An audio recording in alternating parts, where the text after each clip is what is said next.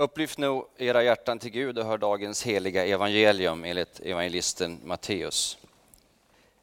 Jesus sa, ve dig värd med dina förförelser. Förförelserna måste ju komma, men ve den människa genom vilken de kommer. Om din hand eller din fot förleder dig, så hugg av den och kasta den ifrån dig. Det är bättre för dig att gå in i livet stympad eller ofärdig än att kastas i den eviga elden med händer och fötter i behåll. Om ditt öga förleder dig, så riv ut det och kasta det ifrån dig. Det är bättre för dig att gå in i livet enögd än att kastas i helvetets eld med båda ögonen i behåll. Se till att ni inte föraktar någon enda av dessa små. Jag säger er att deras änglar i himlen alltid ser min himmelske faders ansikte. Så lyder det heliga evangeliet. Jag vet inte om ni följde Game of Thrones när det var som hetast. Ingen? Spinoffen här då på House of Dragons, det är bara jag. Jag är inte kulturellt relevant den här kyrkan. Men den eh, handlar ju mycket om drakar och mystiska ting. Och man undrar när man läser dagens episteltext från Uppenbarelseboken, är det George R.R. Martin, han som ligger bakom den här serien, som har skrivit Uppenbarelseboken? Eftersom det är så fullt av detta. Ormen från urtiden, draken, Satan och så vidare. Och en del av de kristna har genom årens lopp kanske varit lite för fascinerade av den mörka sidan och hamnat som har sett en demon bakom varje buske. Men jag tror att för de flesta av oss som sitter här inne så är problemet troligtvis det motsatta. Vi befinner oss i det andra diket. Alltså i vårt huvud och i vår kanske muntliga bekännelse så säger vi att det finns en andlig verklighet. Men i praktiken så lever de flesta av oss som troende ateister. Det var en bra början. För det är det som vi kan se på, det vi kan ta, det är det vi kan känna, det vi kan läsa. Det är sånt som definierar, styr våra liv och det är det som vi försöker att upp, eh, upprätthålla. Men det vi ser är inte allt. Allt är inte vad det synes att vara. Nu har vi inte nattvard idag, men i, i nattvardsliturgin så inleder prästen med att säga upplyft era hjärtan. Vad står det för egentligen? Jo, det är egentligen en omskrivning av, dem, av den mening, av det tilltal som Johannes på ön Patmos får. Och det är precis i början av Uppenbarelseboken, då han får höra så här när han sitter i sin fångenskap, kom hit upp. Det är det vi säger, upplyft era hjärtan. Ja, vi upplyfter våra hjärtan, svarar församlingen då. Vi kommer hit upp. Och så får han se tillvaron från ett helt annat perspektiv. Får han se hur landet ligger. För när han får höra de här orden så är han ju en gammal man som sitter i fångenskap på ön Patmos. De flesta kristna kyrkorna är inte så här stora som här i Helsingborg. Man kanske är 20, man kanske är 40 stycken. De kanske största som fanns i Rom, de kanske var ett par hundra ändå. Och romarriket sätter dit alla sina krafter nu på att förtrycka, förfölja och förnedra de kristna. Kejsarkulten börjar sprida sig och kejsar Domitianus han kallas för Dominus et Devs, som vi alla kan vår latin, eller hur? Vad står det för? Jo, Herre och Gud. Ett annat titel är Guds son, en annan titel är världens frälsare och så får de kristna ställa sig inför detta. Vem är det som är Herre och Gud? Vem är det som är Guds son? Och så får Johannes komma hit upp för att se hur, i vems händer historiens öde vilar. Uppenbarelseboken är inte en profetisk tidskalender där vi bockar för vart någonstans i historien befinner vi oss nu. Det är många kristna som har läst Uppenbarelseboken på ett helt sjukt galet sätt. Jaha, Tjernobyl, det kan vi hitta här. Kommer ni ihåg det? Eller nu är Putin, kan han finnas i Uppenbarelseboken 13 kanske? Jag kan säga ja, troligtvis. Men vad framförallt det handlar om, det är att Uppenbarelseboken är en tros och tröst och kampskrift för en kyrka som lider, för en kyrka som befinner sig i minoritet, som lever i en tillvaro där det verkar som de onda makterna, krafterna styr, regerar och kommer att få det sista ordet. Men så får man komma hit upp och se hur det egentligen ligger till. Se den stora verkligheten. Och därmed blir Uppenbarelseboken en tröst för alla kristna genom alla tider. Så det första som dagens episteltext lär oss på den här den helige Mikaels dag, ärkeängeln, den förkunnar detta. Vi lever i en andlig verklighet och vi har en fiende som aktivt vill vår undergång. Och Det stora ödesvalet i vårt liv, som vi också kan, många gånger måste fatta varje dag, det är vilken tolkningsmodell lägger vi då på vårt liv, på vår tillvaro, på vår kyrka och historiens utveckling. Petrus skriver i sitt första brev så här, kanske mer förtätat än det som Uppenbarelsebokens text vittnar om idag. Han säger så här, jag har inte något på skärmen här, så nu får ni lyssna. Var nyktra och vaksamma. Er fiende djävulen går omkring som ett rytande lejon och söker efter någon att sluka. Håll stånd mot honom, orubbliga i tron. Kom ihåg att ni får utstå detsamma som alla era bröder här i världen.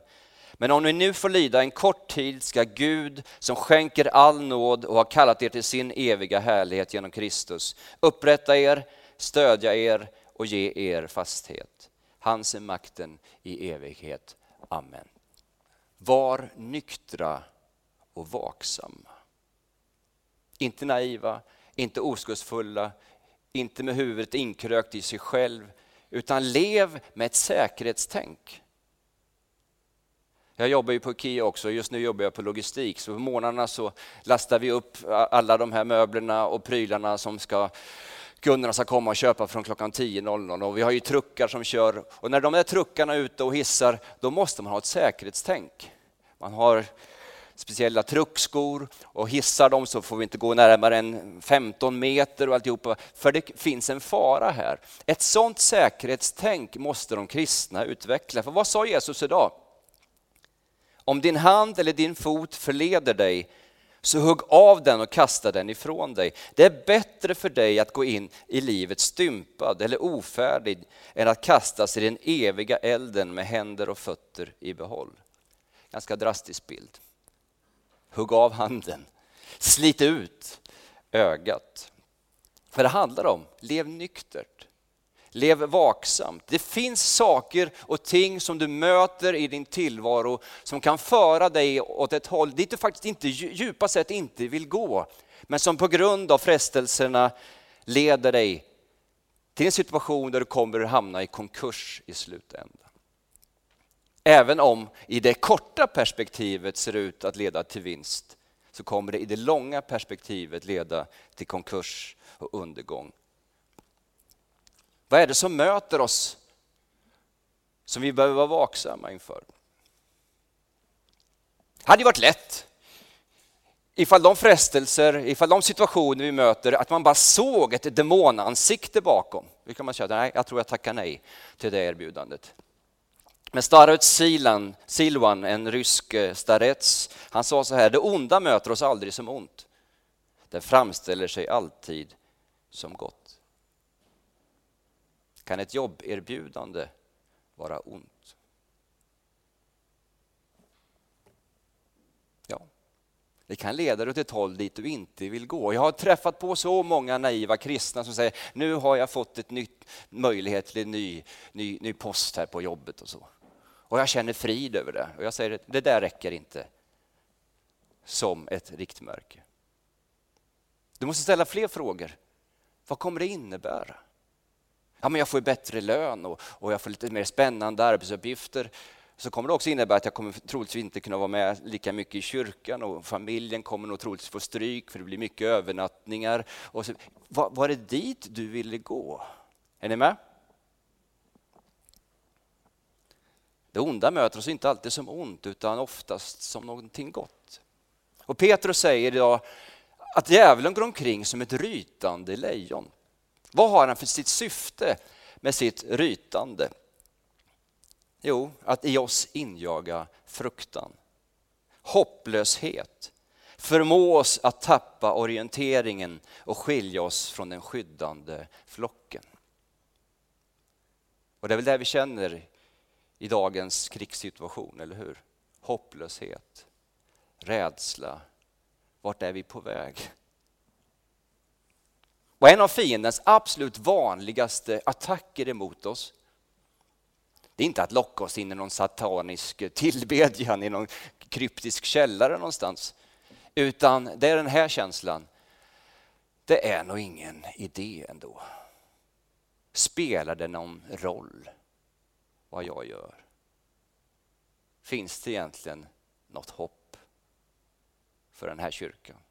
Vi är ju inte så många. Känner ni igen den känslan?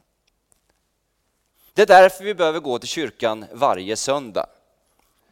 För att höra Guds ord som ger ett nytt perspektiv, som driver ut fruktan för att fyllas av den heliga Ande som ingjuter sin kärlek i oss. Där vi i nattvarden upplyfter våra hjärtan så att vi får rätt perspektiv igen och kan ta ut riktningen på nytt. Där vi ser att det är lammet som sitter på tronen och bär historiens öde i sin hand. Och där vi i vår svaghet kan gömma oss i jorden när vi inte orkar själva. Jag vet inte om ni som jag även knarkar naturfilmer, inte bara Game of Thrones utan även alla de här naturdokumentärerna. Serengeti, de har spelat in säkert 18 000 avsnitt från Serengeti. Men... Och det som är intressant att se rovdjurens taktik, vad är det? Jo, att splittra jorden. Så att en individ kommer utanför, för då är de ett lätt byte för lejonet, eller geparden eller hyenan eller vad det nu är. Men man har ju sett många sådana ganska ynkliga djur som tillsammans formar en ogenomtränglig mur för lejonet. Så därför är deras mål att skrämmas, att ryta, att få folk att tappa orienteringen så att man hamnar lite utanför. Därför är det absolut livsfarligt att söka leva som kristen på egen hand. Jag vet inte hur ni gör i den här kyrkan. Säger ni vi tror i trosbekännelsen? Eller jag tror? Vi tror, ja. Rätt. Vi säger nämligen i syndabekännelsen, jag bekänner inför dig att jag har syndat. Men i trosbekännelsen säger vi, vi tror, inte jag tror. Och Det har varit en sån styrka för mig att komma in i sakramental, liturgisk, luthersk gudstjänst och se så här, här bär inte jag, här bär liturgin oss. När jag inte orkar lovsjunga, då får Danne lovsjunga. När jag orkar inte be, då får Lotta be. När jag känner att jag inte vet om jag tror, då tror kyrkan. Och jag får gömma mig under kyrkans stora katedral och sitta där och vara svag, deppig och tjurig. Men jag får finnas i den stora gemenskapen som skyddar mig från rovdjuren. Men så fort jag på grund av en kris i livet, något kämpigt som händer, drar mig undan, då är jag ett ganska lätt byte för fienden. Så vad är då vägen till ett segerrikt liv? Det här låter som jag skulle predikat på 80-talet. fem steg till ett segerrikt liv. Men jag har faktiskt det idag. Vad ska vi göra när vi hör att lejonet ryter? För det första, tillbedjan. Alltså egentligen, så om man ska sammanfatta Uppenbarelseboken så handlar det om den frågan. Vem tillber du? Tillber du lammet eller tillber du odjuret? Och vi kommer alltid att bli som den vi tillber. Psalm 115 har en otroligt bra beskrivning här. Vår Gud är i himlen, allt vad han vill det gör han. Deras gudar är silver och guld, verk av människohänder. Mun har de men kan inte tala, ögon men kan inte se, Öron har de men kan inte höra, näsa men känner ingen lukt. De har händer men kan inte gripa och fötter men kan inte gå. Ur deras strupe kommer inga ljud. De som har gjort dem ska bli som dem. Ja, alla som sätter sin lit till dem. Martin Luther han förklarar vad sann tillbedjan är. Det här är det absolut bästa som Martin Luther har sagt. Och han har sagt rätt mycket bra. I Stora katekesen säger han så här. En Gud kallas det som man väntar sig allt gott av och som man i all nöd tager sin tillflykt till. Det du fäster ditt hjärta och varpå förlitar dig är, säger jag, i verkligheten din Gud. Det här är bra att ställa sig den frågan. Vad eller vem är det jag förväntar mig allt gott av? Och vem ger dig tröst och säkerhet när krisen kommer? Vart flyr du då? Är det bankkontot? Är det familjen? Är det försäkringen? Är det militären? Alltså vart flyr du när krisen kommer? Och vem förväntar du dig egentligen allt gott ifrån? Tillbedjan. Tillber vi lammet eller odjuret? Jag har sagt så här, vi lever inte alltid som vi lär, det är väldigt få som gör det. Men vi blir alltid som den Gud vi av hjärtat tillber. Så människor lever alltid ut sin tro. Människor lever alltid ut sin tillbedjan. Man lever inte alltid ut det man lär. Så vem är Gud? Så det första är alltså att öva sig och ägna sig åt tillbedjan utifrån att man har sett hur verkligheten ser ut. Och det andra som hjälper oss när lejonet ryter, det är trofast tillit. Petrus sa, håll stånd mot honom, orubbliga i tron. Och Johannes uppenbarelse sa, de älskade inte sitt liv mer än att de kunde gå i döden. Tron handlar inte om ett försanthållande i det här läget utan en tjurig envishet att hålla fast. Och den enda kulturella referensen jag fick upp var Sven Duva från Fänrik Ståls sägner, vilket säger att jag börjar bli till åren kommen. Men jag tycker det är en bra beskrivning på hur vi besegrar vi kanske inte alltid har huvudet med oss, men hjärtat är varmt och vi står fasta och vi överger inte bron. Och vi säger, det kanske kostar mig mitt liv. Det kanske kostar mig mitt anseende. Det kanske kostar mig popularitetspoäng. Det kanske kostar mig mycket. Men här står jag. Nu kommer en annan referens, det, det var ju Sagan om ringen. you shall not pass, säger Gandalf. Du ska inte komma förbi här. Jag ska inte attackera, jag ska inte vara stark, jag ska bara stå här i orubblig, trofast tillit. Och Herren träder in till försvar när vi står fasta. Så det första var helt enkelt tillbedjan. Det andra är att leva i trofast tillit. Och det tredje är bönen. Paulus skriver i Efesierbrevet 6 kanske den tydligaste instruktionen på just att vi befinner oss i en andlig verklighet, att det finns en fiende som vill vår undergång och så ger han oss en vapenrustning som egentligen handlar om ikläd dig Kristus, lev i Kristus, sätt din tilltro till Kristus. Och så avslutar han hela den beskrivningen, sammanfattar den kan man väl säga på ett sätt med de här orden. Gör det under åkallan och bön och be i er ande varje stund. Därför ska ni hålla er vakna, här kommer igen, nyktra och vakna. Och aldrig tröttna i er bön, för alla de heliga, be också för mig, säger Paulus. Jag har varit lite besviken när jag kom in i den här kyrkan idag. Det fanns ingen rökelse. Jag älskar rökelse. Jag smygröker rätt mycket i vår egen kyrka. Eh, vi har närmare några som har astma som de säger, har du dragit igång rökelsen igen? Nej, det var inte, det var inte jag. Eh, vad är rökelse för någonting? Rökelse är en symbol för bönen och dess makt.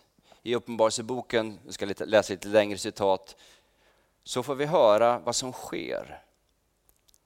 Johannes skriver och jag såg att mitt för tronen de fyra varelserna och mitt för de äldste stod ett lamm och det såg ut att ha blivit slaktat. Det hade sju horn och sju ögon som är Guds sju andar som är sänds ut över hela jorden. De gick fram och tog boken ur högra handen på honom som satt på tronen. Och när de tog boken föll de fyra varelserna och de 24 äldste ner inför lammet, var och en med en harpa och en guldskål fylld med rökelse som är de heligas böner. När lammet bröt det sjunde sigillet blev det tyst i himlen i kanske en halvtimme. Och jag såg de sju änglarna som står inför Gud och åt dem gavs sju basuner. Och en annan ängel kom och ställde sig vid altaret med ett rökelsekar av guld. Och åt honom gavs mycket rökelse som han skulle lägga till alla de heligas böner på det gyllene altaret inför tronen. Och röken från rökelsen steg ur ängelns hand upp inför Gud tillsammans med de heligas böner. Och ängeln tog rökelsekaret och fyllde det med eld från altaret och kastade ner det på jorden. Då blev det åska och dån och blixtar och jordbävning. Johannes har precis gråtit av förtvivlan. För han har sett en scen där bokrulle med sju sigill lyfts fram.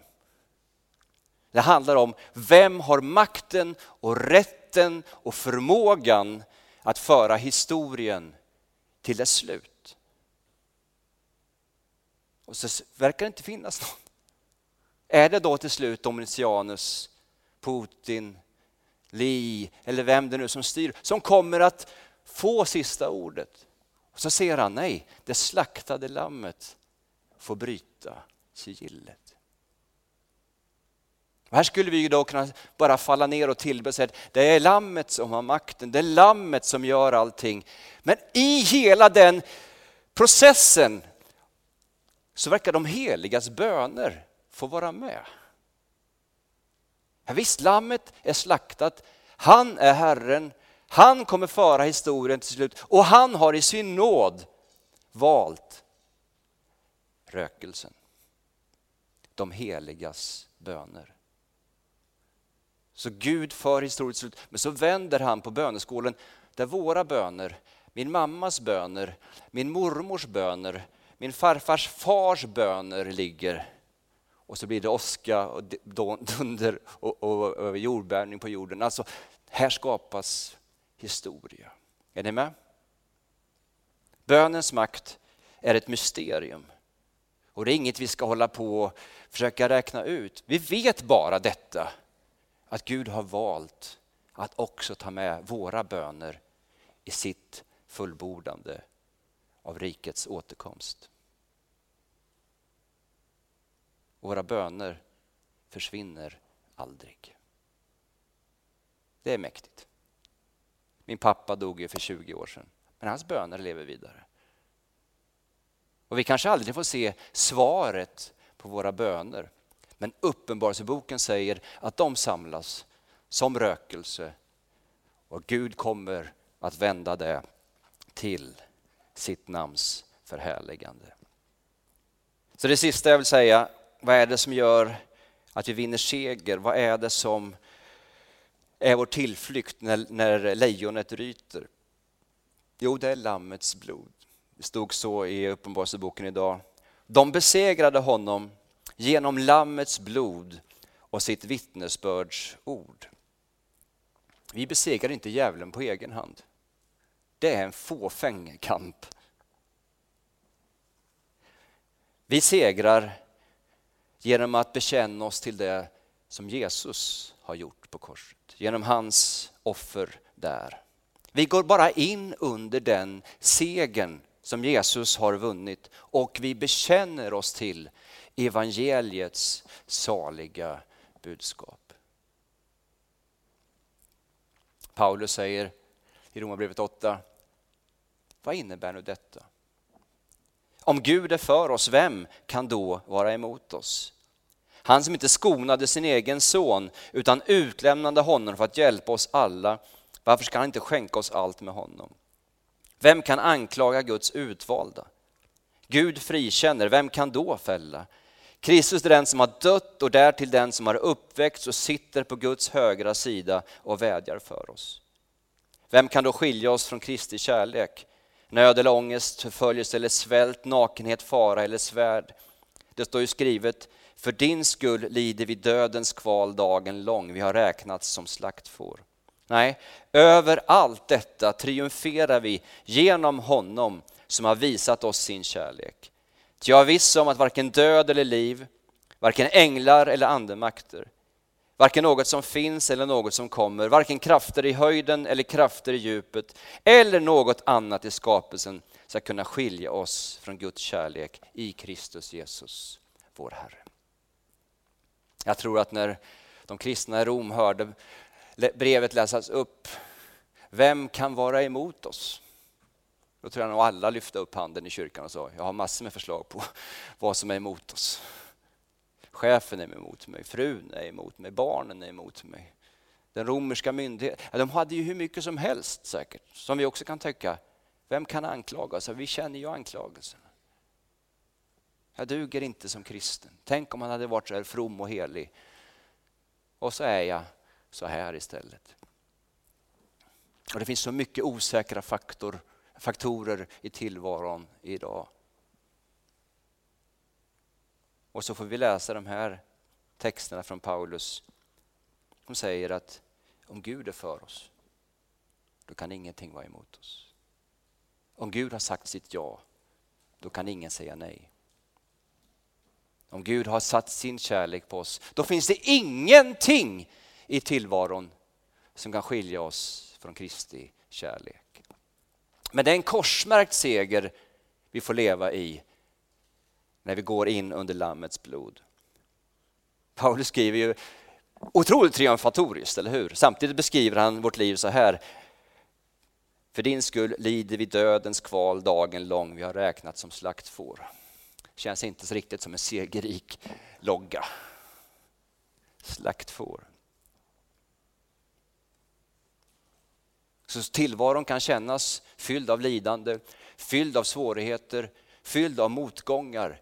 Men Lammets blod, Kristi offer på korset, vårt dop gör att vi kan stämma in med Paulus att därför kan ingenting i slutändan vara emot oss, anklaga oss eller skilja oss från Gud. Och det är på den marken vi står. Och så blir det så här, vem är det som får sista ordet i tillvaron?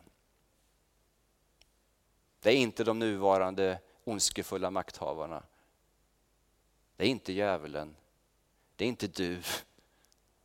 Det är inte den nya regeringen. Den som får sista ordet är den man bör lyssna till, eller hur? Och Det är därför som vi idag får höra, kom hit upp, låt oss se hur landet ligger. Låt oss se hur tillvaron ser ut i det långa perspektivet. Och till sist för att upprepa det som Petrus avslutade sin text idag med. Men om ni nu får lida en kort tid ska Gud som skänker all nåd och har kallat er till sin eviga härlighet genom Kristus upprätta er, stödja er och ge er fasthet. Hans är makten i evighet. Visst, vi kan få lida en kort tid. Det är därför det är värt ibland att också kapa handen och riva ut ögat för en kort tid. För att i det långa perspektivet vinna livet. Så säger Petrus, han skänker all nåd. Och så har han lovat att upprätta oss, att stödja oss och ge oss fasthet. Hur är det möjligt? Och så säger Petrus sist, därför att hans är makten. Den yttersta makten, den slutgiltiga makten vilar hos det slaktade lammet. Det är därför vi tillber honom och inte odjuret. Ära vare Fadern och Sonen och den helige Ande, nu och alltid och i evigheters evighet. Amen.